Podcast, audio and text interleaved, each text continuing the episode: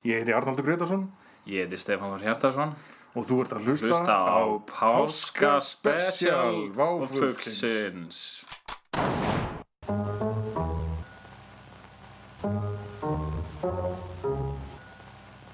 Welcome to I'm concerned. I'm concerned. He's always lurking everywhere. Brian. And here also, in, in, in the mind. That's where he's lurking. That's where he's lurking.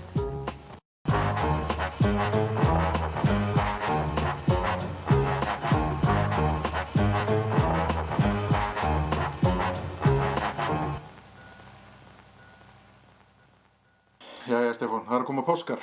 Já, páskar er að renna í garð Já, já, enda, við vorum að- Ganga í garð, renna í garð enda var nöðsynlegt fyrir okkur að framleiða hérna Páska Special. Já, Annar þáttur Váfuglsins endar sem special. já, sjálfsög uh, Páskarnir eru náttúrulega rosalega svona Enda hverju, þú veist, ég meira, páskarnir eru náttúrulega líka bara hátíð lífs, nei það eru jólin, hátíð dauðans. Nei, Páskar, eins og það sem ég ætlaði að segja sko, Páskar er ekki hátíð neins Það er einhvern veginn svona, ég veit það ekki Þetta er eitthvað svona auka holiday Þú veist, jólin er eitthvað, það er eitthvað svona alls konar dæmi í kringum jólin En þú veist, í, á páskonum þá ferðu bara í bónus og kaupir páskaegg og you're done Þú veist, það er ekkert Þú bara ert að vinna og segja, eitthvað, að, ég er farinn Og þú veist, það er ekkert umstangi kringum páska Og það er páskaskraut er eitthvað piece of crap Já, þetta er það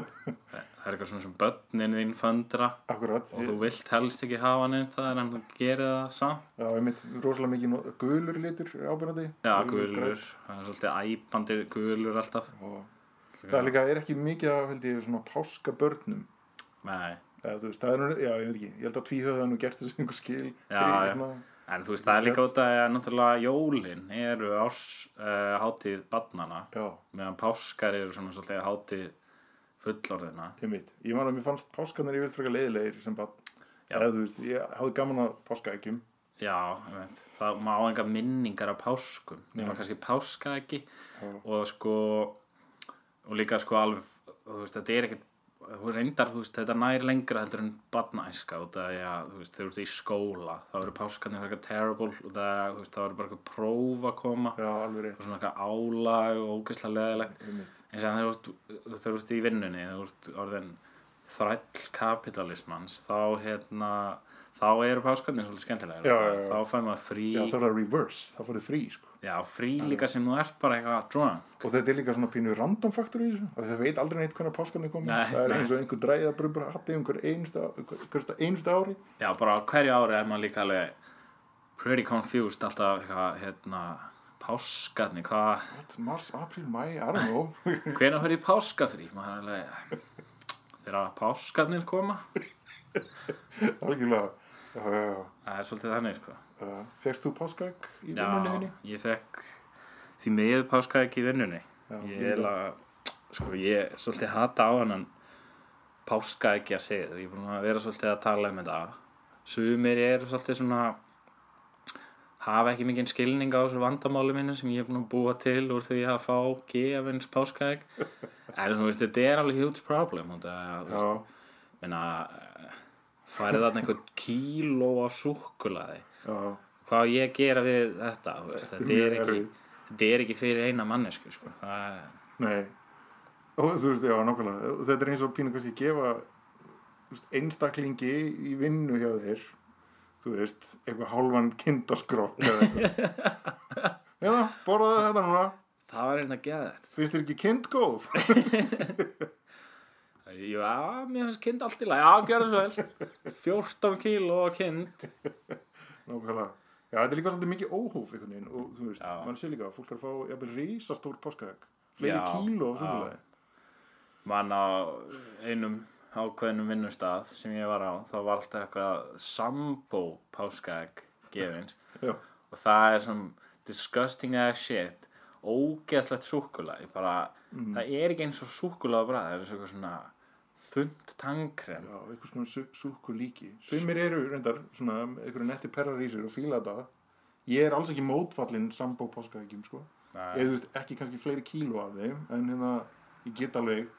já, þú veist, nammi Rótið inni ótt af oflæti mínu alright, I guess en þetta er allt risastórt í einhverjum fokkin einhverjum kassa sem er bara þú veist, þú sérði þetta, þú veist, í einhverjum losti og það er þessi kassi er eins og Já, þetta er þetta meira er eins og einhver sjómaskassi Þetta er eins og eitthvað rísastór Ísskápskassi, ráftæki já. Akkurat, já og sem er þetta í einhverju plastumbúðum innan í og þetta er allt svo wasteful og Þetta er alltaf alveg stúl sko hendur þessu goddamn súkulaði sem einhver þrælaði fyrir í Já, einhverju og það- Afrikulandi einmitt þetta er líka örgulega mjög einmitt, unethically sourced og ég held að það sé svona stórt vandamál eða þú veist, ég finna það allavega hjá mér sko. ég, það eru þarna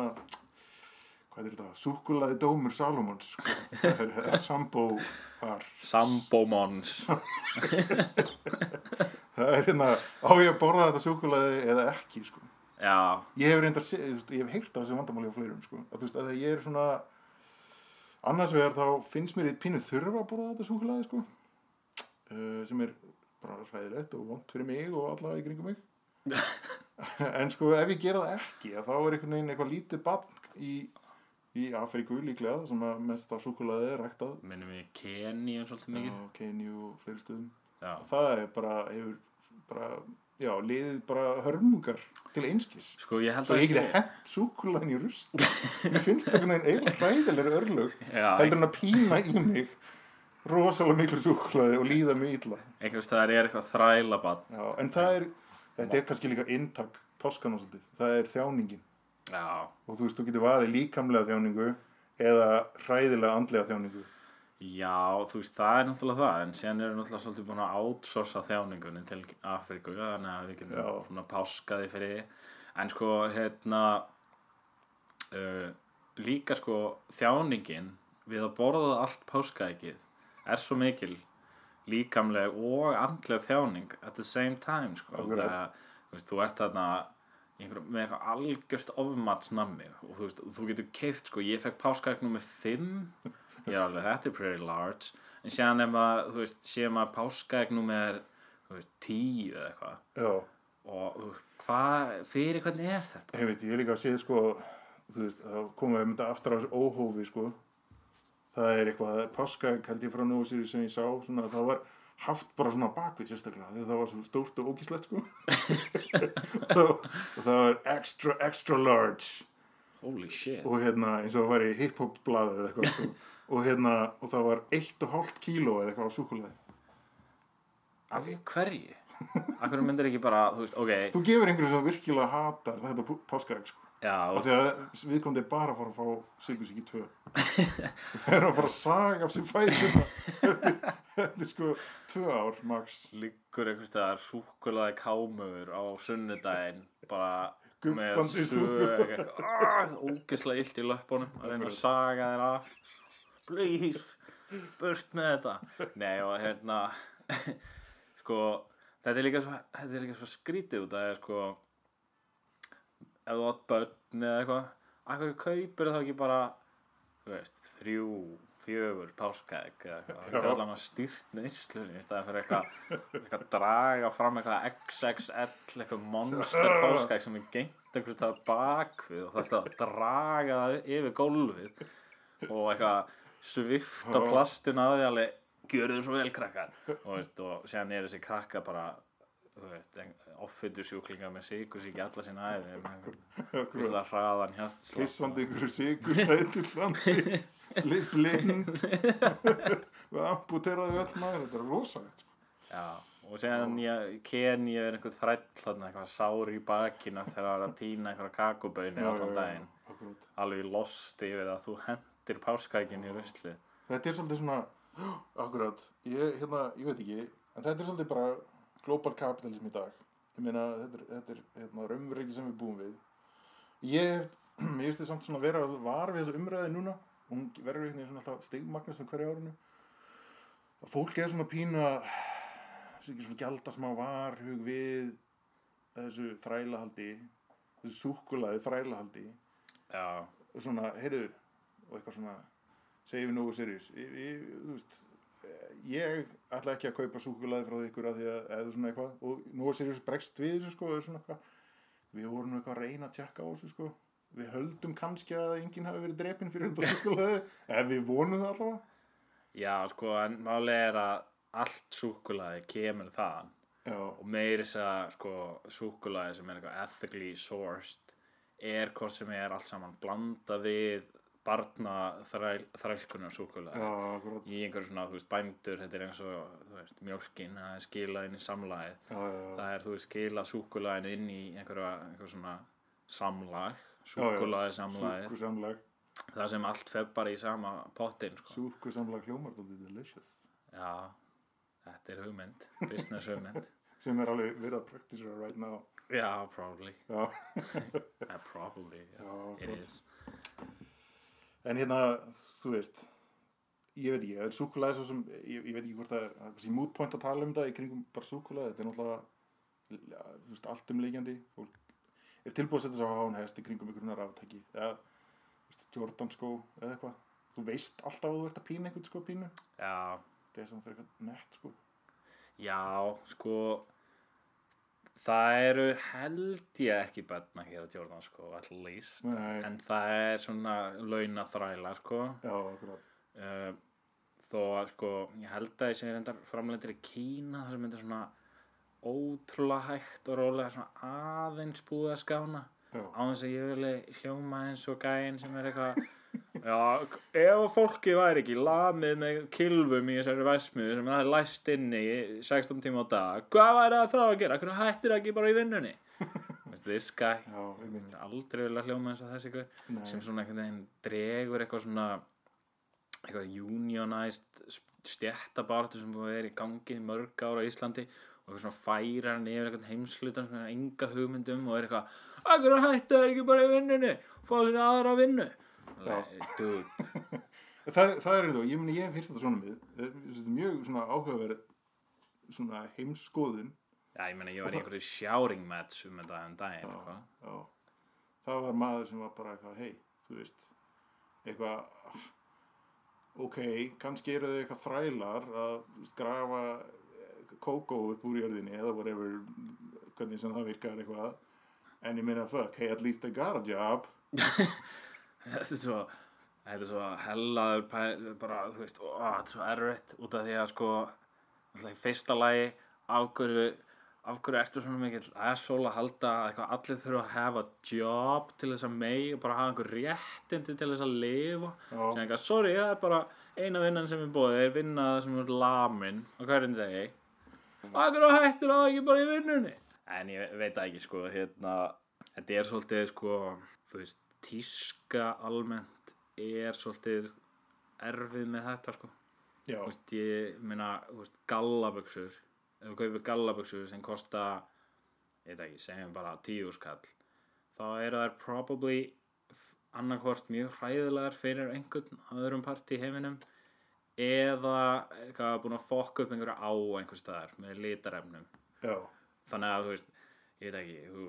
maður er svona eiginlega aldrei safe og þetta er eiginlega náttúrulega bara þetta er náttúrulega bara goddamn einhver blekking að vera eitthvað alltaf að leita að einhverju ethically eitthvað fötum eða hlutum og þetta er allt eitthvað já, ég upplifði mér svolítið það, sko, ég, ég, ég, ég, svona, og ég reyna að vera ethical consumer og svona eitthvað, og reyna að vera meðutur um það, svo endan mér ég bara eitthvað, "Æ, þú veist, fuck it, ég, eða, þú veist, ég,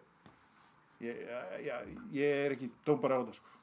Nei, og síðan skilur þú veist, þú getur reynda eins og þú vilt og síðan ertu bara eitthvað þú veist, ég veit ekki, að borða rækjur eða eitthvað og heldur þú sett bara safe en þá er einhverju einhver þrælar að týna rækjur eitthvað staðar for real og bara flesta rækjur eru bara eitthvað terrible slaver í það sem enginn talar um Nei. en það- út af því að það er enginn búin að gera heimildamyndum það er svona, Já. það er svona Það er stóri- öll þekking fólk sem er í þessum huglengum kemur úr einhverjum Já, heimildamyndum algjörlega, það er svolítið rík, já, ég mitt. en það líka skilur ég veit ekki Ég nenni ekki að lesa einhverja bókum um þetta, sem Það er- Ah, depressing shit, sko. Það er líka probably engin bók um þetta þannig að, Nei, þú veist, ég, það er bara ekki neitt að, einhvern veginn, það er kannski að ég veit ekki, þú þarft eitthvað að leita að einhverjum hlutum og fólk er ekkert að gera það það er bara eitthvað, ég ætla að sleppa að borða rækjur og hérna ganga bara í dýrum gallaföksum en þá eru svona 40 aðra hlutir sem þú ert að gera sem eru, þannig að, þú veist ef þú vilt ekki bara búa í einhverjum kofa út í skógi þá er bara global capitalism búin að fanga því eitthvað svona samvisku búr þar sem þú bara Ertu eitthvað liggjandi í fósturstellingunni yfir öllum sem eru borðandi suffering. risastórt ógíslega páskaegg guppandi súkulaði í nýjum geðugum Jordan sko Já, algjörlega Það- Fucking einhverjir Heyrðu, en tölandi um eh, Jordan sko, mér langar til að fara á svolítið lengra með þá umræðu. Ég, hérna, ég keipti mér nýlega Jordan sko. Þú kaupið þið reglulega Jordan sko. Já, eða svona ég hef reyndar ekki gert það í svolítinn tíma en, en það er önnur saga Nei, já. en ég á no- nokkra slíka Uh, já, ég nýlega keipti mér Jordan sko aftur. Ég hef ekki gert það í, í þó nokkuð langan tíma. Uh, en ég bara gekk helst ekki öðru í sum nema í Jordan skóm sem bara, þá voru þeir alveg öruglega búinir til að þrælum. Já, sennilega. já, já, eins og þeir eru í dag ég hef reyndar heyrt áhugavert einhver var að tala um það sko að þeir eru verið búinu til í bandarinskum fangilsum eða allavega, nei, eða hvort að Jordan Corporation væri að reka fangils í bandaríkjunum eitthvað. Það er eitthvað, það er alltaf eitthvað, það er alls konar ræðilegt en ég meina, ég veit ekki, mér finnst þú kannski búin að dekka það ágætlega hérna. svona smá side thought hérna, hérna prison shoes maður en hérna, Prison shoes Já, en hérna þú veist, já, ég gekk um í, í Jordan sko, mér fannst að geða töff og svo, að, þú veist daðraði ég svolítið mikið við svona þessa hip-hop, götu tísku sem var hérna, ég fór aldrei svona full on inn í, Nei, ég var aldrei í alveg svona mjög trilltum kanigala eða svo leys sko ég, hérna sko, hiphop tíska á Íslandi ég veit ekki hvort hún var geðið skrítin eða bara eða að hiphop tíska var einhvern veginn svona en einhvern veginn eina svona, svona byrjunin rætur hiphop tískur á Íslandi voru einhvern veginn þessir goddamn gallar sem allir voru í svona, Já, já, já. svona sem svona heyriðist hljóði svona vindgallar akkurat, og fúbú Fubu, Kani og Carl Kenai já, og uh, hérna, ég man líka eftir Malone já, og eitthvað fleira og ég var, alveg- ég var alveg pínu all in í þessu ég reyndar átti ekki galla sko nei þeir voru svo expensive og hérna en ég átti sko ég átti Kani buksur sko það var eitthvað, þetta var eitthvað pínu scary fyrir mér sko Þú veist, ég, en ég fór svona hérna, og svo og líka hérna fílagallar og allt svona fyrir eitthvað stórt og sliðis ég, var, ég veit ekki, bara, kannski, ég var alltaf pínu hefisett gæi skilur, þetta var ekki að gera mér neina greiða sko þannig að hérna þú veist, já, ég, nei ég fór ekki alveg all in í þetta Nei, en mér langaði alltaf pínu til þess sko Já, og þetta var sko, ég man ég var náttúrulega úr smábæðin en ég man kannski ekki eftir mörgum sem voru eitthvað all in í þessu en, en það var alveg svona definitely sko, þú veist, það var miklu meiri svona skate tíska í gangi aðkværi en þetta var alveg, ég man vel eftir þessu sko Já. og ég man að ég sko keifti kanibuksunar mínar í einhver svona bensínstöð eða svona ólís heldvöru verslun geggjað fáránlega random Já, ég held að ég held að svona chief supplier hérna á Stór Reykjavíksvæðinu hafa örgulega verið Jónas á milli, Jónassamilja á fræbúð var Já, hérna- ég fór alveg þangað einhvern tímann sko. það var svo svolítið skrítin búð að þegar svona, svona í minningunni það var svona skrítin reykjelsis líkt þarna og eitthvað Bob Marley fáni og, Já, og afgriðslu fólk sem var svona eða þú veist Gleymið. pínu, pínu gleymið en þú veist bara mjög myndalega rekstur í langan tíma Já. stopnun hérna í, í svona íslensku götu tísku var, var þetta ekki sama liði og var síðan með Exodus eða? jú ég held að hún hafi breyst í það sko það var hann að konan hann að Nína eða, Já. sem mamma mín bæði vegi elska alltaf rosa mikið og það var svo hjálpsum Já, ég Hún var meina, alltaf, vá hvað þið hjálpsum kona hún var hann eitthvað stöppu friðin eitthvað að segja mann að máta einhver ugly ass buksur ég held að fólk sem bara chillar allan daginn og hlusta á Bob Marley get ekki verið annað en bara fyrir huggulegt fólk sko. nei, hún var mjög næ sko Já, og hérna, en síðan var sko ángin af uh, hip-hop tísku á Íslandi sem ég fannst miklu fyndnari var þessi hérna sem kom svona kannski aðeins síðar endar þegar allir voru í svona hérna eh, uh, kólaportsbólum það kom svona menn voru svona með derhú annarkvort á hlið eða eitthvað svona ekki fram með aftur heldur í einhverja aðra átt já, oft svona ská aftur á bak já, já, já. og sem voru þeir í risastórum ból sem var svona túbakbólur Já, já, já, og já, svona lita framan alveg eins mynda aftan nema svartkvít for some reason sem ég skildi aldrei, ég skildi aldrei það eistæðarik einhver svona limitations á prent uh, græinu sem að bjóða til þess að bóli kannski Já, eitthvað svona verður að prenta á tveim hliðum dæmi og sem menn voru mikið í sko Tupac, Eminem eða 50 Cent, þá, þá virtist ekki vera til neinir aðrir bóla, bóli Nei, enda, ég menn, akkur viltu vera búa til eitthvað, sitja upp um eitthvað bats af, skiluru, einhverju, einhverjum öðrum enn þeim sem er erfitt að losa við. Já, var náttúrulega engin annar hot á þessum tíma samt svolítið random sko Tupac hafi verið hana Já, svona eini classic artistinn sem fólk svona klættist í þessum hérna, þessum já galla, Tú- Tupac sko. náði bara inn í þetta, þú veist, hann alltaf var búin að vera í Já. Kani, svona, affiliated einhvern veginn og, já, já, já, hann- þetta hefur tengst, þú vart að segja það já, alltaf ekki. Já, Nei, ég bara, hann er bara, Tupac er bara það stóð, skiluru, að hann bara transcendar þessa ströyma, já, skiluru. já, ég skil, já já, ég er sammálaðir, þetta er, þetta er rugglega rétt hjá þér og hérna og mér varst þetta svona að finnast þetta og, og sem voru menn mjög mikið í merkinu træball Træpan, já, það var svona hiphop merki en það var ógeðslega ljótt já, já, en út af það var hiphop merki þá voru menn svona tilbúinir að vera bara í því menn vorum bara tilbúin að seilast ansið langt. já, í kringum þessi merki sko. Ég man að ég átti tribal peysu sem var svona svört uh, úr einhverju svona loðnu efni. já, þeir voru Loðin mikið að vinna með peysa. svona loðin apaskins efni einhver svona Þetta var ekki abbaskinn, sko. þetta var einhvern veginn svona, þetta var eins og gömul motta. Okay. Svona baðmotta, Já, ok. hérna okay. ömmu minni. já,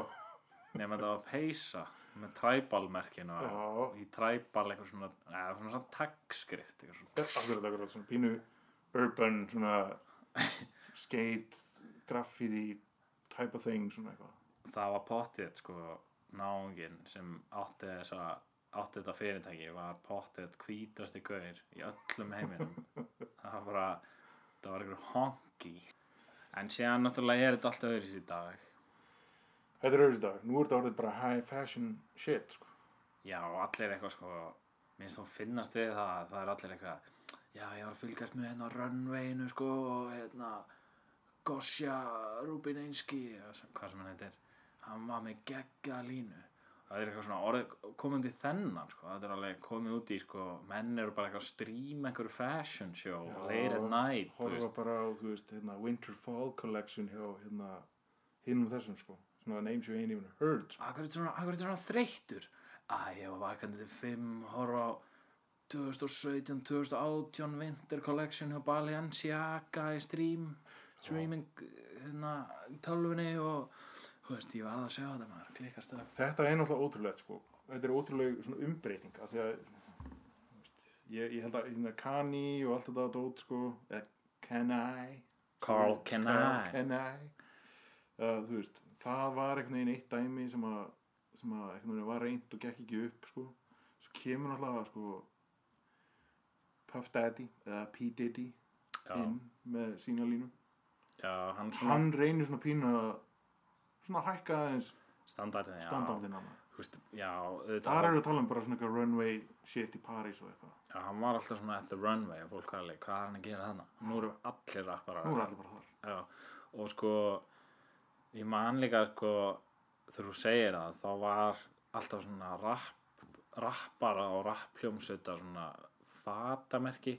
og alltaf svo ultra mikið ströggul. Já, það er rosalega ströggul. Þú sér það alveg svona reglulega gamla menn í vúverfötum Já. og það, það er bara eitthvað, þeir eru bara, mmm, þetta er fínt, ég ætla að vera í þessu. Já, er þetta eitthvað sem ratar til þeir eitthvað inn í gegnum sko rauðakrossin eða eitthvað? Ég veit það ekki. Örglega sko, það er örglega allir sem hafa einhvern tímann átt vúver eru búin að fara með það í rauðakrossin at some point Sko, ég veit ekki. Ég, ég á nú, ég á eitthvað svona woo attire, skulum við segja, sem ég held alveg pínu upp á. Ég er ekkert að rokka þetta dagstælega. En það var náttúrulega, sko, þessi outrageous fatalína, basically, sem þeir voru með það, sem var Vúver, woo-wear. já, það var merkið þeirra Sem var svona, einmitt, svona rí- risastór föt, einhvern veginn. já, var líka sko skrýtnum litum og svona illa hannað ótrúlega skrítin snið og þetta var náttúrulega bara cheap as hell sko. núna sér maður bara svona oft, oft er þetta rosalega miklu ógæfi menn sem ganga um í þessum fötum já, ég veit ekki hvort er, er bara svona þú veist eiga þessi föt ennþá I'm still here ah, eða hvort þetta hefur ratað til þeirra eftir einhverjum óhefnum leiðum sko, þú veist. Já. en ég held að þú- í dag einhvern veginn pínu að þú ert að lappandum í svona alvöru vúver úlpu eða jakka eða þú veist eða god forbid buksum svona einhverju sko, einhverju glansefni já, þá einhvern veginn þá er það sennilega til margt um það að þú veist, þú, gæt, þú gæti verið á betri stað já, samt sko það er svo mikið svona það er svo mikið svona normkór í gangi Já. Held að ef þú væri bara í einhverju hérna, einhverju brand new húver úlp, þá væri bara pretty nettur sko. það var pretty, pretty hot sko. en hvað með síðan sko, Ronan down the street sem var eitthvað nýbúin að sko, brjóta vodkaflösku á hausnum á sér og einhverjum öðrum sko, og líka í sama jakka já, ef þú ert sko ungur og kannski er það bara trilltu comparison einhvern veginn að ná að púla Já, ég er að segja, ef þú ert ungur og myndalegur Ég og held að það sé alveg rétt hjá ekki þér. terrible lykt að þér Já. þá ert þú töff en rónin þá ertu pínu farin að mattsa nýju Gucci peysuna sko. Já, ég laga sko var það ekki? Jó, jó nei, eða jú, mér finnst það mér finnst það Já, ég meina ég sagði alveg róna fyrir mér í henni akkurat Ágæti náttúrulega normkorsin samt er það að sko þegar fólk er komið svona hefili inn í tísku mann sér þetta svona í tísku vikunni eða hvað sem þetta tísku happenings heita einmitt. þá eru sumir svona þeir, þeir, gengu, þeir gengu aðeins og langt og það er eins og ég séu í svona grímubúning já, hérna uh, veist, þetta gerist alveg alltaf mikið, ég hef tekið Já. eftir þessu hérna þú- mér, fi- fi- sko, fyrst þú ert að nefna þetta þá, hérna, þá er bara einmitt uh, sko uh, fólk í grímbúningi bara í, í dag þá var ég að keira niður hverfiskotinu og þar sá ég mann einhvern veginn, uh, hjólum á hjóli á alveg, e, þú veist, eldgumlu hjóli og hann var klættur í eitthvað svona alveg rosalega eitthvað svona tweed mundringu eins og hann væri sko að drífa sig á leiðina á settið á Jeepson Wooster eða eitthvað Great Gatsby eða eitthvað og þú veist, hérna hann leiði alveg rosalega illa greinilega sko hann var að, þetta var náttúrulega svo gamalt hjól líka sem hann var á Já, og hérna og þú veist, engi gýrar og eitthvað ég veit ekki hverju skattan var ekkert seljaði brött en þú veist, ef þú ert á svona piece of shit hjóli þá var þetta- þá var bara að ferða svitna tala ekki um þau eru búin að dekka það inn í eitthvað fokkin sko ullar jakka fætt að sett veit ég, en maður sá það samt sko hann var samt svo mikið að reyna að brosa sig í gegnum þetta hann var, hann var eitthvað Já, rosa ég sáttur meina, með hann þetta, sko. vissi alveg in the back of his mind að hann var náttúrulega bara í grímubúning þú veist, hann var búin að horfa á einhverja bíómynd og var alveg hann var allt miklu betra árið 1920 og eitthvað já, einmitt og séðan var hann komin á þetta piece of shit hjól, eitthvað einhver tækja búnað frá þetta er alveg bara fokkin 1920 viðburður sko. Þú veist, að fólk, það er eitthvað svona, er ekki eitthvað á sumrin fólk safna saman eitthvað Jú. tvít hjóladagurinn og það er eitthvað er rosalega margir svona og um, þú veist, líður svona misvel með þetta sínismanni sko. Það líður öllum vel og það er í hóp sko. já í hóp, hópurinn sko vendar því svolítið. en þegar þú ert komin svona einn út fyrir hópin og ert eins og einhver svona antilópa sem ert komin út fyrir hópin þú ert alveg, oh my god, oh my god hvað ef einhver sér mig Já. og ert þarna að rembast eitthvað rennandi sveittur og hjóla og eitthvað Löðrandi drasthjóli ískrar í eitthvað í- ullar í eitthvað fötum og það var sást það í bíómynd ég er alveg svo great Gatsby núna fólk lítur að sjá það það hlægir ekkert að mér út að ég er í grímumóni það sér að ég er eins og Great Gatsby öllum fannst það flott stuff, Já. right Að, þú veist, ég veit ekki, ég, ég skil þetta, skilur ég, ég hef hort á þess að þætti þannig að Jeeves and Wooster og eitthvað svona og Great Gatsby og er eitthvað að þetta er fyrir báling shit sem það er að gera hana drekka eitthvað kampa inn og skála fyrir eimt sko verkalýsins og eitthvað já, en þetta er líka svona, þú veist eitthvað, þetta er líka, þetta er líka svolítið sko hérna svona vin, vinsalt þema og ég teki eftir ég að, hérna, já, ég mitt svona Roaring Twenties Party já fólk elskar þetta sko. en, en þú veist, það sem ég er svo fókin óþólandi við þetta er náttúrulega að þetta lið er þarna í þessum, einhver, þessu gerupi sínu uh, og svona eins og hérna, verið hlutverki sko Já, þú veist, og er hérna, þú veist, eins og liðið sem var að skála í kampaðin in the 20s, Já. þá er þetta þú veist, þessi tweetgalli kostar fokkin 200 skall Nákvæmlega. og það var einhverju pís og sitt vintage hjóli sem hún keiftir á eBay á 400 skall eða eitthvað. og einhverju róna í einhverju Berlín eða eitthvað Já. Og Búin að, hérna- sko, svona ganga rosalega langt er henni að endurskapa einhvern veruleika. Akkurat. já, sem, þú veist sem þú veist líka bara, þú veist, það var ekkert svona in the 20s þú, þú veist þarna, þú veist bara með einhverja draumsýn í höfðinu Akkurat. þú veist, eins og all, allt þetta periódu lið, skilur Já. eitthvað ok, I'll say, já. Eitthvað svona. Hei. Og svona ímyndaði mér að þessu alltaf að tala saman. Hó, hó. Já, Eitthvað. og ég, sko, þegar þú svona byrjar að tala um þetta þá, þá er ég svona hver er stemmingin hann? Ég skil ekki hvað þið heldur Nei. og hafi verið í gangi hann sem var betra enn í dag einhvern veginn. Já, nákvæmlega, akkurat. Hvað var betra enn the 20s? Sko, ég held I að hafi like- eiginlega allt verið eiginlega miklu verra. Já, og þú veist, flest fólk var náttúrulega bara yfirleitt eitthvað að sko, þú veist, ef það var ekki að deyja uh, í einhverju versmiðu þá var það sko stoppa í götin á einhverjum sko miklandi sokkum já, og ég meina nema að þú tilherir þessari kreðsu sem var náttúrulega mjög fámenn stjætt fólks, Já. auðkýfinga já, sem að hagnast á blóði verkamanna já, þá held ég að lífið hafa verið ágætt en ég held að það hafi samt verið bara ekki jafn gott og fyrir, þú veist marga í dag sko. nei, ég meina, þú veist, allt þetta liða svona hjólum þarf það að bara fá sér klamedi og eitthvað, einhverja sjúkdóma skilur við, sem hérna ólæknandi að þeim tíma, Já, allir eitthvað hóstandi blóðum, einhverja drekka kvika silfur og eitthvað svona Já, eitthvað Já. blóðtöku og- Já, ok, það er kannski aðeins Nei, það var ekki fólk bara að taka blóð og eitthvað baða sig í einhverju kvikasölri og eitthvað. Hvítlög í eirónum Já. Þannig að já, ég þarf að Probably. taka það eftir að hafa búin að skála í kampavíni, það er fínt. Já, En það er hérna- cool. En uh, já, talað um að skála í kampavíni, uh, það er spurning, ég veit ekki, ég hef reyndar aldrei fengið kampavín í sjoppu, en uh, mér finnst þetta samt kalla á það að, að þú veist, ég get vel séð sjálf á mig drekka kampavín með rækisamlögu. shrimp sandwich, shrimp sandwich, shrimp sandwich. That's that's about it. Hvað ætlaðu að ræði í rækjusámakunni í dag? Mér finnst hérna að við við gerðum þessu ágæti skil hérna við vorum að, ta- þú veist, ég- hérna, ég hef líka heyrt það frá fólki að fólk tengdi við þessu umræðum Já, góða og vonda sjoppumannin sko. en það Eða- hluti að lífa okkar Já, allir ég minna algjörlega en hérna þú veist, það sem ég fannst svona Frumspeki Já, ég meina algjörlega en svona þegar ég hugsa um þetta það sem mér finnst kannski áhugavert við þessu umræðu er, er svona þessi síðferð, sko, við erum að tala um hann þessar kringurstanda sem búa til soppu fólk og annað Já. en síðan finnst mér svona kannski áhugavert að velta fyrir sér svona síðferðislega þætti málsins skilur við Já. það er hérna, þú veist, við, við, við snertum aðeins inn á þetta í síðasta þætti þetta ég- er eitthvað sem ég held að við sé hægt að fara lengra með Sjoppumæðurinn hefur ákveðin völd hann hefur bara, bara líkilvöld eða hafði við erum, þetta er þetta er svona pínu fortiðar Já, já, já sko. hver, hver er sjoppukallin í dag? er ykkur sjoppukall í dag?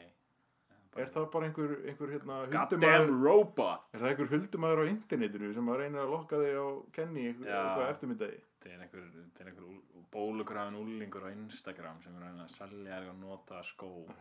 selja þér eitthvað weed sko. já, ég, en, eh, já, þá komum við með aftur að hérna, svona siðferðis spurningunni sko. þú veist, sjoppu sjoppu mannskinn hafði völd í gamla daga Já, og hún gat beitt þessum völdum til góðs eða íls hún, hér, hún var með höndina á uh, höldunni á skápnum sem tóbaki var gett í til dæmis gæti að opna hann loka það vild já, akkurat eftir eigin hendu sem réði þetta örlögum ungmenna í stórum stíl já, alveg þetta bókstaflega ráði því hvort að þú varst einhver reykjandi aumingi sennilega töffari, reykjandi töffari Re- ok, já, reykjandi töffari en sennilega fórnalamb sko, svona late, later on set eiturlefin íslu já, já, eða þú veist, ef að forvarnar starf uh, tíunda ára sem kendi mér eitthvað þá var það tópaksnýsla svona gateway inn í harðari já, sem er alveg satt það, já, það er alveg satt ég trúi þessu 100% Já, já, einmitt. ef varst með dræfi til að hérna, röfla síkaretur út úr sjoppumanninum þá varst það alveg það var bara 100% líkur að þú sett bara tíu mynd, bara, ef þetta verið bíómynd þá verið klift og þú verið að sjúa kókan í næstu sinni, það er bara Já. þannig er það bara algjörlega og ég, na, ég meina, sko, mér finnst líka svo gott sko, allavega, nú er ég bara á þess að ég ætla að fara ég ætla ekki að fara að ganga svo langt að setja niður einhver lögmál hérna, við þurfum aðeins að ræða þetta mál fyrst á hvernig getum við farið að gera það Já. en sko minni reynslu þá var hérna sjoppumæðurinn sem leiðiði börnum eða sem sagt seldi börnum tóbak, já, það var alltaf góði sjoppumæðurinn það var hressi Já, Sjoppu- vondi sjoppumæðurinn var ekki til í það sko. Nei, það var, hann var lofabæring gauð, sko, kannski Já, þá, það er algjörlega, nefnilega þannig sko. ég held að, ég held jafnvel sko ef ég á að taka þetta skrefinu lengra þessa pælingu en ég vil alls ekki ganga á langt með þetta en sko, ef ég á að guð taka minn þetta- góður ég er bara, ég sé hvað stefnir ég er farin að svitna hérna já, ef ég Köldum tekur svita. þessi skrefinu lengra þá gæti verið að sko góði sjoppumæðurinn hafi verið góði sjoppumæðurinn og það hann átti aðeins meiri pening heldur um vondi sjoppumæðurinn út af því að hann var með alveg kannski hundrað auka viðskiptafinni sem keftu bara sígarettur á honum holy shit, og það er like, sko, besta varan til að selja í sjoppunni maður. það er fokkin eina sem, maður- sem sjoppan vill selja sko. sjoppan snýst öll um Þa, það má ekki segja þannig staðar Nei, nei, eða, eða sína neitt fram á þetta þú veist, þetta er á eitthvað svona- Spáni þá er þetta bara mjög straight up skilur, Já, það heitir já. þetta bara tabakónista eða eitthvað Nei, svona, menn, þú veist, það er bara tabak, eitthvað. tóbaksbúðin tóbaksbúðin að vita sem allir getur keft mjólk, bara, þú veist, já, nákvæmlega, sem eitthvað svona auka skafmiða þú veist, þú getur keift mjólk og skaf með það en shoppumannum er pínu saman það að hann vil bara selja goddamn tópak ætlar að fá mjólk og skafmiða hvernig sígarettur ætlar að fá með þessu en hérna, já, ég meint en á Íslandi þá var þetta svona þetta var svona eins og eitthvað svona eitthvað svona kommunista Já, það er ríki, nákvæmlega. þú veist, það er svona mátt ekki sögja hlutin en Nei, ég allir vita ó, ó, í shoppinni, nei, við seljum bara nammi hér opna skápin við seljum bara nammi hér fyrir auðra hvað viltu mörg namm Ég vil fimm nammi Nei og hérna Þannig að ég held að þetta tengist svolítið og hérna en síðan sko finnst mér líka áhugavert einmitt, það gæti líka já, það tengist þessari kenningu líka hjá mér að sko þarna er náttúrulega skref eins og þú sagðir svo skemmtilega síðast já, sem sjoppumæðurinn þarf að stíga yfir sem er örgulega ákveðin svona þú veist, á einhverjum tímapunkti er sjoppumæðurinn bara law-abiding sjoppumæður og Algjörlega. svona hann að sjoppu og, og er hann að einhver smiður að festa upp eitthvað skáp svona í innrettinguna hjá honum einmitt, og hann hugsa með sér að þarna seti nú tóbakið þú ég ætla að hafa það læst akkurat því að ég mun sjaldan opna þennan skáp og ef börn byrða mig opna hann, þá mun ég segja nei en sko þá var einmitt, þá, var einmitt, þá komum líka aftur að því að hann kemur hann inn í þú veist, þetta viðskiptasamband með sömu sko rangkvæmyndir og samfélagi eða þú veist, það er búið að móta hann á samfélaginu Já. til að halda hann sem bara að fara að selja nammi já, já. svo gerist það bara mjög snemma á ferðinum hann átt að segja, oh my god, ég er ekkert innan til að selja nammi nei ég er innan til að selja goddamn sígarættir ef hann átti sig ekki á því og er þar og leiðandi orðin vondi sjoppumæður þú veist, þetta, já, er- já. þarna, þetta er svona ákveðin þetta er svona hérna, þetta er- þetta eru krossgötur þetta eru crosscutter, já, algjörlega já, einmitt, ok, einmitt það sem sko það sem að shoppumar finnur sig á crosscuttum eða ekki, skilur já, ef hann, ef hann finnur sig ekki á það hann svona þú veist, eða þú veist, hann finnur sig á crosscuttunum kannski sér hann bara ekki hinn af leiðina að, ég meina þetta er þú veist, fyrsti dagurinn í búðinni ég, ég skal ég bara skal veðja að þetta er fyrsti dagurinn í búðinni já, Þú veist, fyrsta vaktin, hún stendur hérna vel greittur bak við borðið skínandi hreint uh, sjoppuborð akkurat sérð allt nammið í gegnum klerið ekkert, engin límiða neitt svona á þessu kemur ykkur inn, bjallan og hörðinni ringir og hún lítur og það er svona 15 ára krakki í geðet stórri víðri træbal peysu þú ætlar bara kanni buksum þú ætlar að slappa bara sko, siðferði spurningunum bara straight up þetta er fyrstu Já, viðskipt á hann fyrsti viðskiptaðurinn og hann lappar upp á borðinu og er eitthvað, blessaður, herru, ég ætla að fá síkó og þú stendur hérna renn sveittur bak við borðið svitnar á gljáfæðan Hei, hei, hei, hei, Nammi kýr var- maður, ég er í, þú veist, ég er MSík og ég ætla ekki að selja þér það, viltu ekki fá nammi? Já, Þú veist. og þarna, þú veist, þá ert þú bara búin að taka hægri veginn, eða vinstri Nákvæmlega. veginn ekki,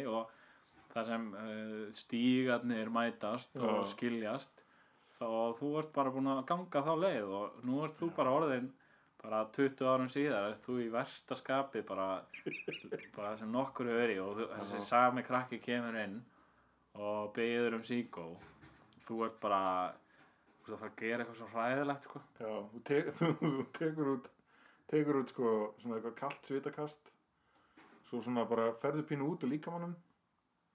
og án þess að vita það, einhvern veginn pínu opnaru skápinn og þú afgreðir þennan úlingum sígarettur já, og svo ímynda ég mér, ég veit ekki að þú lokir sjoppinu og farur og grátir eitthvað fyrir aftan eða já, ég vil meina sko ég hafi ákveðan að sérfræði þekkingu af þessu út af því að einu sinni landi ég í því að Batt spurði mig hvort ég geti keift síkó handaði já, og ég stóð og horfði á barnið og hugsaði mig um og þetta var rosalega svona þetta var rosalega stereotypisk stund og þetta barnið stóð í húsasundi bara bókstælega verða með svona sixpensara gott ef ekki já, og hérna ég sagði bara eftir bara eftir alltaf, þú veist, ég var komin undir líkamannu mínum, það var eitthvað hérna, eitthvað Scrooge McDuck moment þarna, það sem ég var eitthvað, nei, hvað heitir hann aftur? Ebenezer Scrooge moment, það sem ég hérna svona var eitthvað, það voru eitthvað þrýr draugar búin að heimsækja mig og þetta gerðist alltaf undir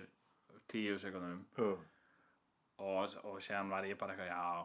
ég skal kaupa síku hann það er bara út af því að ég veit ekki, ég var alveg þú veist, auðvitað gerði ég það það að þú hefur allt potensiál til þess að verða hamingi saman sjoppukall já, ég myndi vera mjög hafa mikið saman sjópa kall held ég sko. akkurat, það er rosa gaman að vinna í sjópu ég algjörlega myndi smyrja mína eigin rækju saman og selja hólki já, fullt af health violations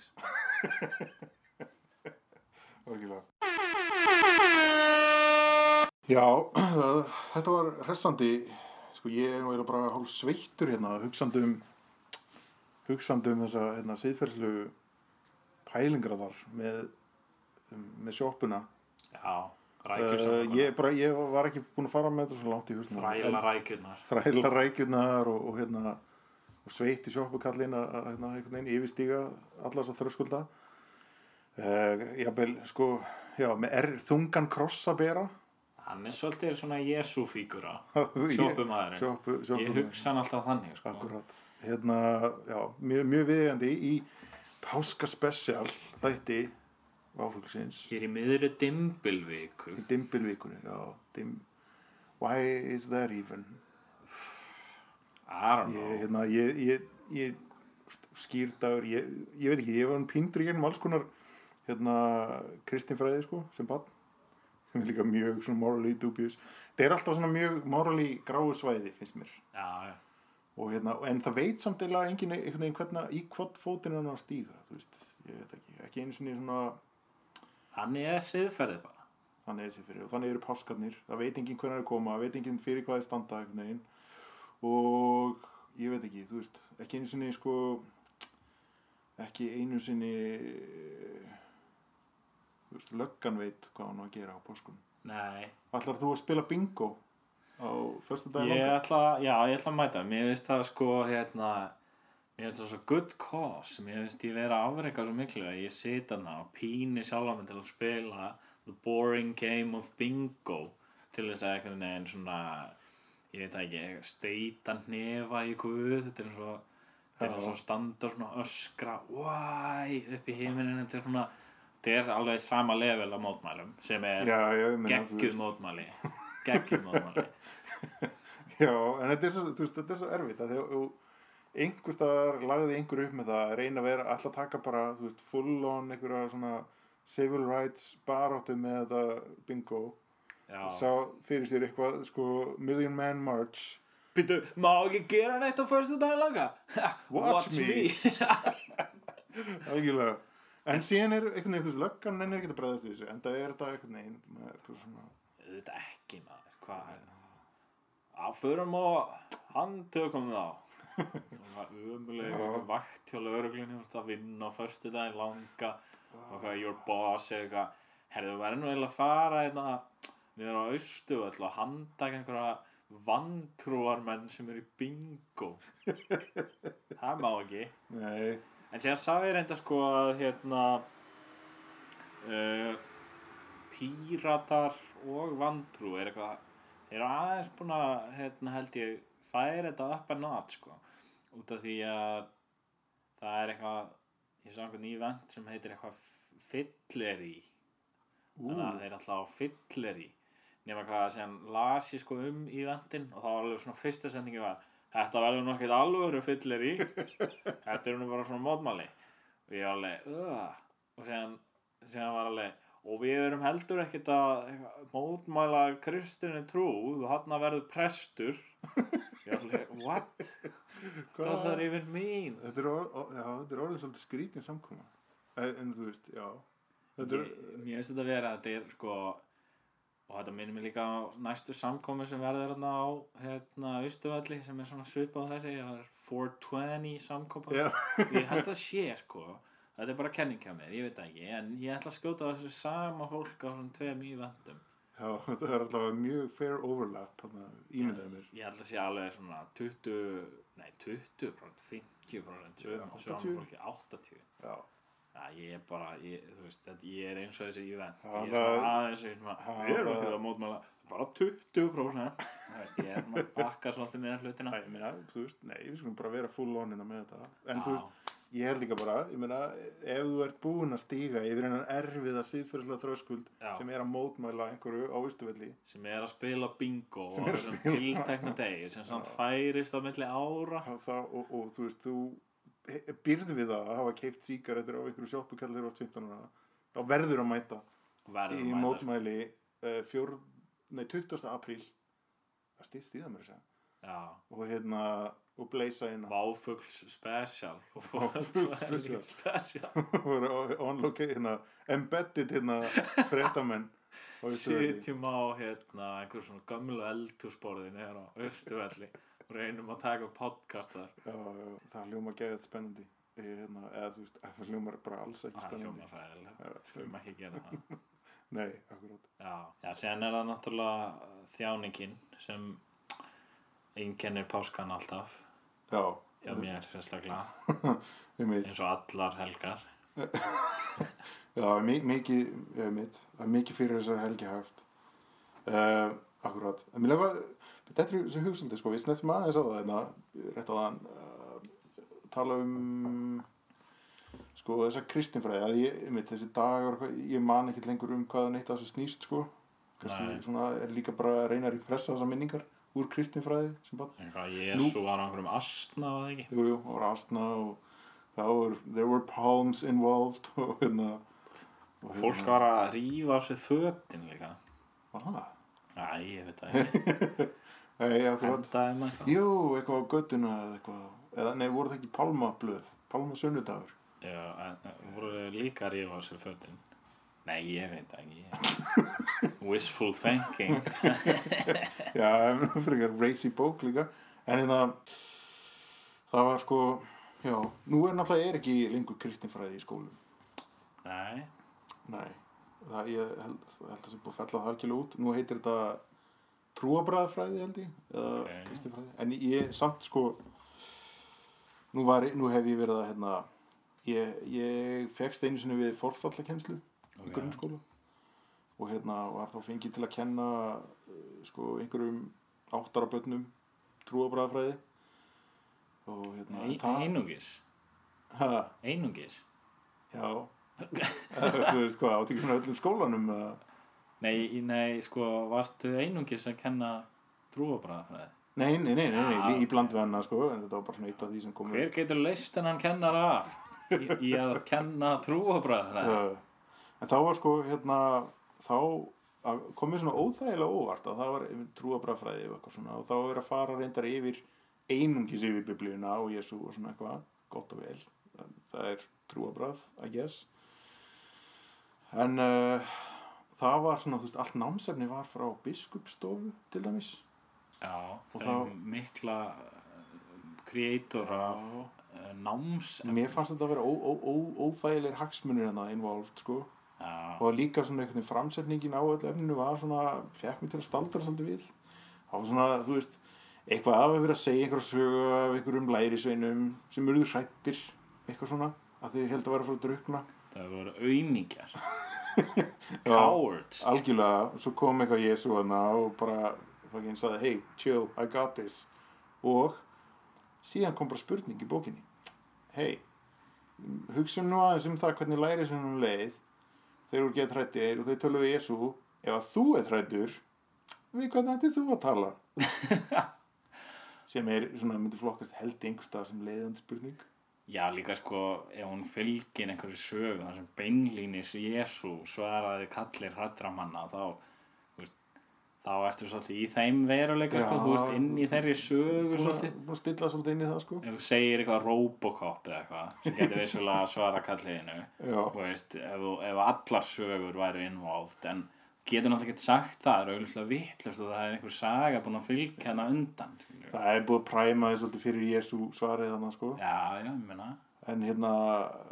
já, ég, veit ekki, ég tók nú eitthvað svona skref og reynda að prefacea þetta hana áður en ég bom, henda þessu sprengju hana inn í hennar hóp af áttar bönnum þannig ég svona, þú veist svona nefndi það, ég hringdi, þú veist, talaði um mömmu mína eða eitthvað svona sko Já, og hérna hana, þá fekk ég nú svona svolítið kreatív svör tilbaka, þú veist voru börnin ekkert að segja að væri mömmustrákar og auðmingi nei, ég held að við vorum bara frekar sjokt sko, hérna, þú veist á þú öllu- talaði við mömmu þína og væri svona mikil auðmingi Uh, já, nei, aðalega sem meira sjókti við því að hérna,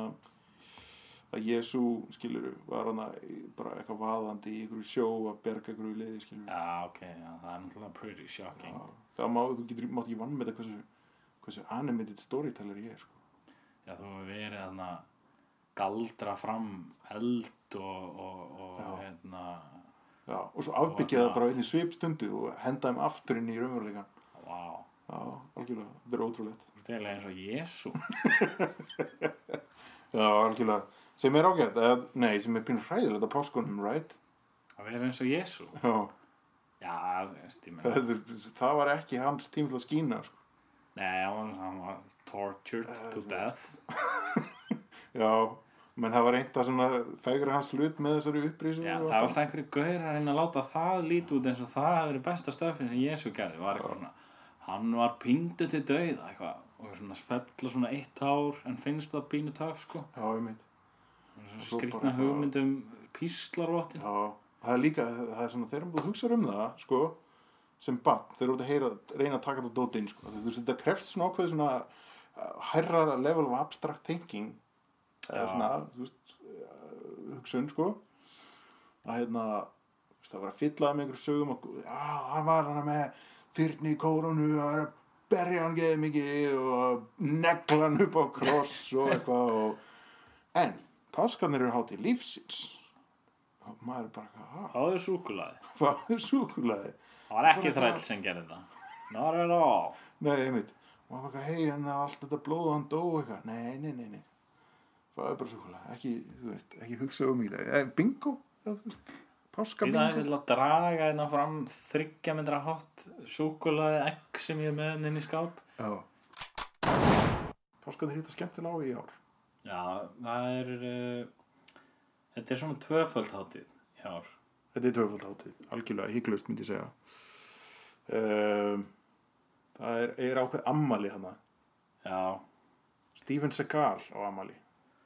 Akito meistarinn Já. Steven Seagal Og bara, þú veist, eh, mannvinur, Mannvitsbrekka algjörlega. Lögreglumaður Heiðurslögreglumaður Uh, Mongóli. Uh, Mongóli Heiðursmongóli heiðursmongóli, heiðursrússi líka Já, og bara heiðurs heila öll Asíulönd alls konar, dansari jafnvel dansaði uh, fórnalamb mafíunar já, um, leikari hann átti ammali núna í dimbilíkunni dimbilvíkan, já sennilega í gær sennilega í Gær. gær Já, uh, þegar þessi orð eru töluð í dimbilíkunni þá var það alls ekki í gær Já, þú veist, það er í gær núna já, en verður það ekki Já, en Ah, the, the magic of technology Algjörlega. lætur þessi orð vera eitthvað sem fólk hlustar á í framtíðin einmitt, þessu ótrúlega, tímavél þetta er eins og tímavel og hérna þá verður við reyndar farin lengra frá afmæli Steven Seagal en þú veist, eftir stendur staðrindina hann átti afmæli í, í dag ég, ve- í, stór afmæli, sennilega við verðum farin lengra frá afmælinu hans en við verðum komin nær næsta afmæli Já, og eh, sko óumblíðanlum dauða Steven Seagal já, já, Akkurat. Já, sem, uh, en nema mér skilst að hann það sé staðfett að hann sé einhvers konar en, hann sé einhvers döður konar nei, einhvers konar endurfættur Dalai Lama það kom einhvern tímann upp líka í einhver umræðu ok, eða sko ekki umræðu millir okkar heldur umræðu sem að hann var með um sjálfan sig já, já eða einræðu kannski um sjálfan sig einræðu um sjálfan hann, hann svolítið hann hefur kosið í gegnum sitt líf að svona hafa svolítið einræðu um sjálfan sig já, akkurat þar sem hann svolítið ræður svona staðarindunum enda er hann hrifin af einræðisherrum wow, oh my god Nei, þú veist, ok, þetta var cheap shot og var það bara annað samt sko já, já, já, Það er samt alltaf gaman einhvern veginn að fylgjast með honum dansa við Putin og svona einhvern veginn eins og hann gerir oft þegar hann er á heiðus heimsóknum í þú veist, nýja móðurlandinu sínu sem er Úsland, eða föðurlandinu það er svolítið vinsælt hjá frægur fólki að eitthvað svona fara til Rústlands Það er vinsælt eh, hjá styrluðum eldri svona belgjaköllum já, að einmitt. flytja til Rúslands enda er sennilega Rúsland bara besta ríki í heimi fyrir þannig hræðilega menn það er það ekki Jú, en samt, sko, er ekki bandaríkjum svolítið líka bara í þeim business að þú þarft svolítið að vera Jú. svona gamall belgjakall, það er svolítið jú, jú Þannig algjörlega að nú, hérna, fórseti bandaríkjana, hann er svolítið í þessum flokki hann er í þessum flokki Hann er svona En kann- nánast já. jafnaldri Stefán Segal, til dæmis og svona eiginlega alveg afsturlaður Já, en ég veit ekki, ka- já kannski er þetta bara svolítið, þeir eru búin að brenna þú veist, að því að belgja kallar gera það nú yfirleitt, þeir brenna svona allar brýr í já, kringu sig, já, það var gott að bara hefja nýtt líf í Rúslandi já, ég held það, sko, fullt af einhverjum löngum pulsum í boði og á, einhverju, hvað, einhverju áfengi drikki Já, já, algjörlega, rosalega mikið á- áfengum drikkjum og rosalega mikið af svona forced og hræðilegum einhverjum svona bóðum já, minnst ég hafa séð mikið af því og, og, og að dansa og þá það er alltaf verið að kasta peningum í loftið já, það er, það er fleiri, fleiri vídeo af þessu svona Stevens að gal svona hlunkast einhvern veginn um á dansgólfinu já. og eitthvað fólk að kasta peningum yfir hann Ég, þú veist, ef ég, ég kasta oft bara peningum í skjáin þegar ég sé þessi atrið, sko. já. Þessum tengi alveg við þetta, akkurat þessi hegðun. Það er samt eitt mjög hræðilegt við, uh, við þetta innræðis herra blæti Stefán Segal og þetta ammalans og þess að hann flutning hans til Rúslands. Hann hefur svolítið verið að leika óþægilega mikið við uh, innræðis herra eða svona hvað er, landstjóran í Tjetsníu Já, sem ég man ekki alveg hvað heitir, hann heitir eitthvað Ismael eða... hann heitir mjög erfiðu nafni sem ég ætla ekki einu sinni að reyna að bera fram. Mitt.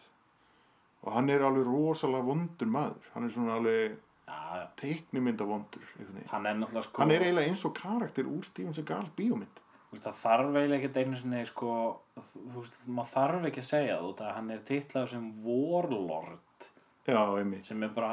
það hefur engin eitthvað nettur næskaur verið titlaður Warlord. nei, akkurat, akkurat þarft bara, þú þarft bara að gera eitthvað skelfilegt til að vera vorlord, það er bara skilir því, þú veist já, já, algjörlega hann er einmitt svona, sko, samt jú, ok, ég reynda Warlords eru svona alveg teiknumyndavondir þú veist, mjög margir og Já, flestir já. þeirra. en þessi er einhvern veginn svona alveg mjög mikið þannig finnst mér, Já, mér nei, finnst hann- hann einmitt vera nákvæmlega, hann er eins og eins og einhver sem að Steven Seagal alla jafnan í bíómyndum sínum væri að svona einhvern veginn, svona hægt og rólega að, að drepa já, eða svona vinna sér leið af til að drepa og já, já, hann er svo svona myndi vera rosalega erfið ykkur final guy já, hérna, einmitt eh, og síðan eitthvað svona, þú veist eh, hei, eitthvað ef hann heitir Ismail eða eitthvað svona þá er eitthvað eh, it's in the mail, eitthvað svona orðalegur kannski já, einmitt Ég það veit er það. alveg rétt, sko, já, en það var náttúrulega að vera unnörð af því, náttúrulega hann er hérna, eitthvað, það er svona skipuleg morð á Já, samkynna það er alltaf bara í fyrsta sinn í heiminum komin einhver sko hvað heitir þetta svona uh, concentr svona útrýmingabúðir fyrir samkynætt fólk sko, ég reyndi að las það á eina miðlunum sem kofarar þetta svæði Já, að það væri hann reyndar ekki satt ok, heldur væri þetta bara basic, gamla Útrýmingar góða hérna, já svona kannski eh, ekki bókstaflegar útrýming, útrýmingabúður heldur bara að væri verið almennt að fanga og drepa fólk sem er samkynætt sko, og þú veist Já, en svona ekki samt svona mjög clean útrýmingabúðastæl, heldur meira svona Nei, og meira þess að sko hann er aðal aðferðin þeirra er þess að, að ef þau vita að einhverju samkynneður þá fara þær og þú veist, drepa hann eða hvað sem þau gera Uh, taka síðan síman hans Já, býða eftir einhver hringi og drepa hann sem hringir wow, það er eiginlega það er sko, sko eins og mest fucking ham fisted heavy handed dæmi bara við þetta sem ég Þetta er eins og hérna Ja, nei, þetta er Japans náttúrulega- hryllingsmynd sko. já, þetta er náttúrulega samt warlord skilur, Já. það er bara, en Þetta er eitthvað svona, eitthvað einhver, annað. ef þú horfir á svo, ef þú ringir í þetta símanumir innan þryggja daga, þá deyrðu já, bókstælega sko. wow. þetta er eitthvað ringnúmerið Já, eða eitthvað ring reverse ring að ringja í síman Já, I guess, Þetta er hræðilegt sko já, þetta er mjög hræðilegt uh, ég, Þetta er eins og hræðilegt en ég langar bara ekkert til að tala með mér um þetta Ég ég vil bara tala mér um páskana já, páskarnir maður. Já, akkurat Svona er þetta nú hérna margbrótið og flókið einhvern veginn þessi páskaháttíð mannlífið Já, ég minna, ég minna páskaháttíðin Þannig ástæðan fyrir að við erum hérna saman komnir í dag að ræða þessi mál Já, við værum náttúrulega við, sko, ég var bara heima á mér og þú varst fyrir utan að flauta Já, og ringdi sen í mig og sagði, herði það eru páskar, við þurfum að get together og tala eins um þetta. ertu ekki búin að gera grein fyrir því að það er að koma páskar Nei, ég, bara ég satt í villu heima á mér, Akkurat. vissi ekkit hvernig páskarnir voru og var að velta fyrir mig hvernig páskafríði var, síðan varst þú fyrir utan flautandi með þessar miklu upplýsingar handa mér. verðum Og, að gera páska spesial núna já, sagði ég, síðan við gerðum. ég veit Og, og, og þetta var hann. þetta, var- þetta var hann í allir sem dýrð Amen, Þannig að bara, þú veist, read that and weep. algjörlega Heyrðu, þetta hefur búin að vera annar glæsileg þáttur af váfuglunum Já. þau kom ykkur fyrir að fylgjast með Já, takk. Takk fyrir það. Já, alright, over and out Abar. Thank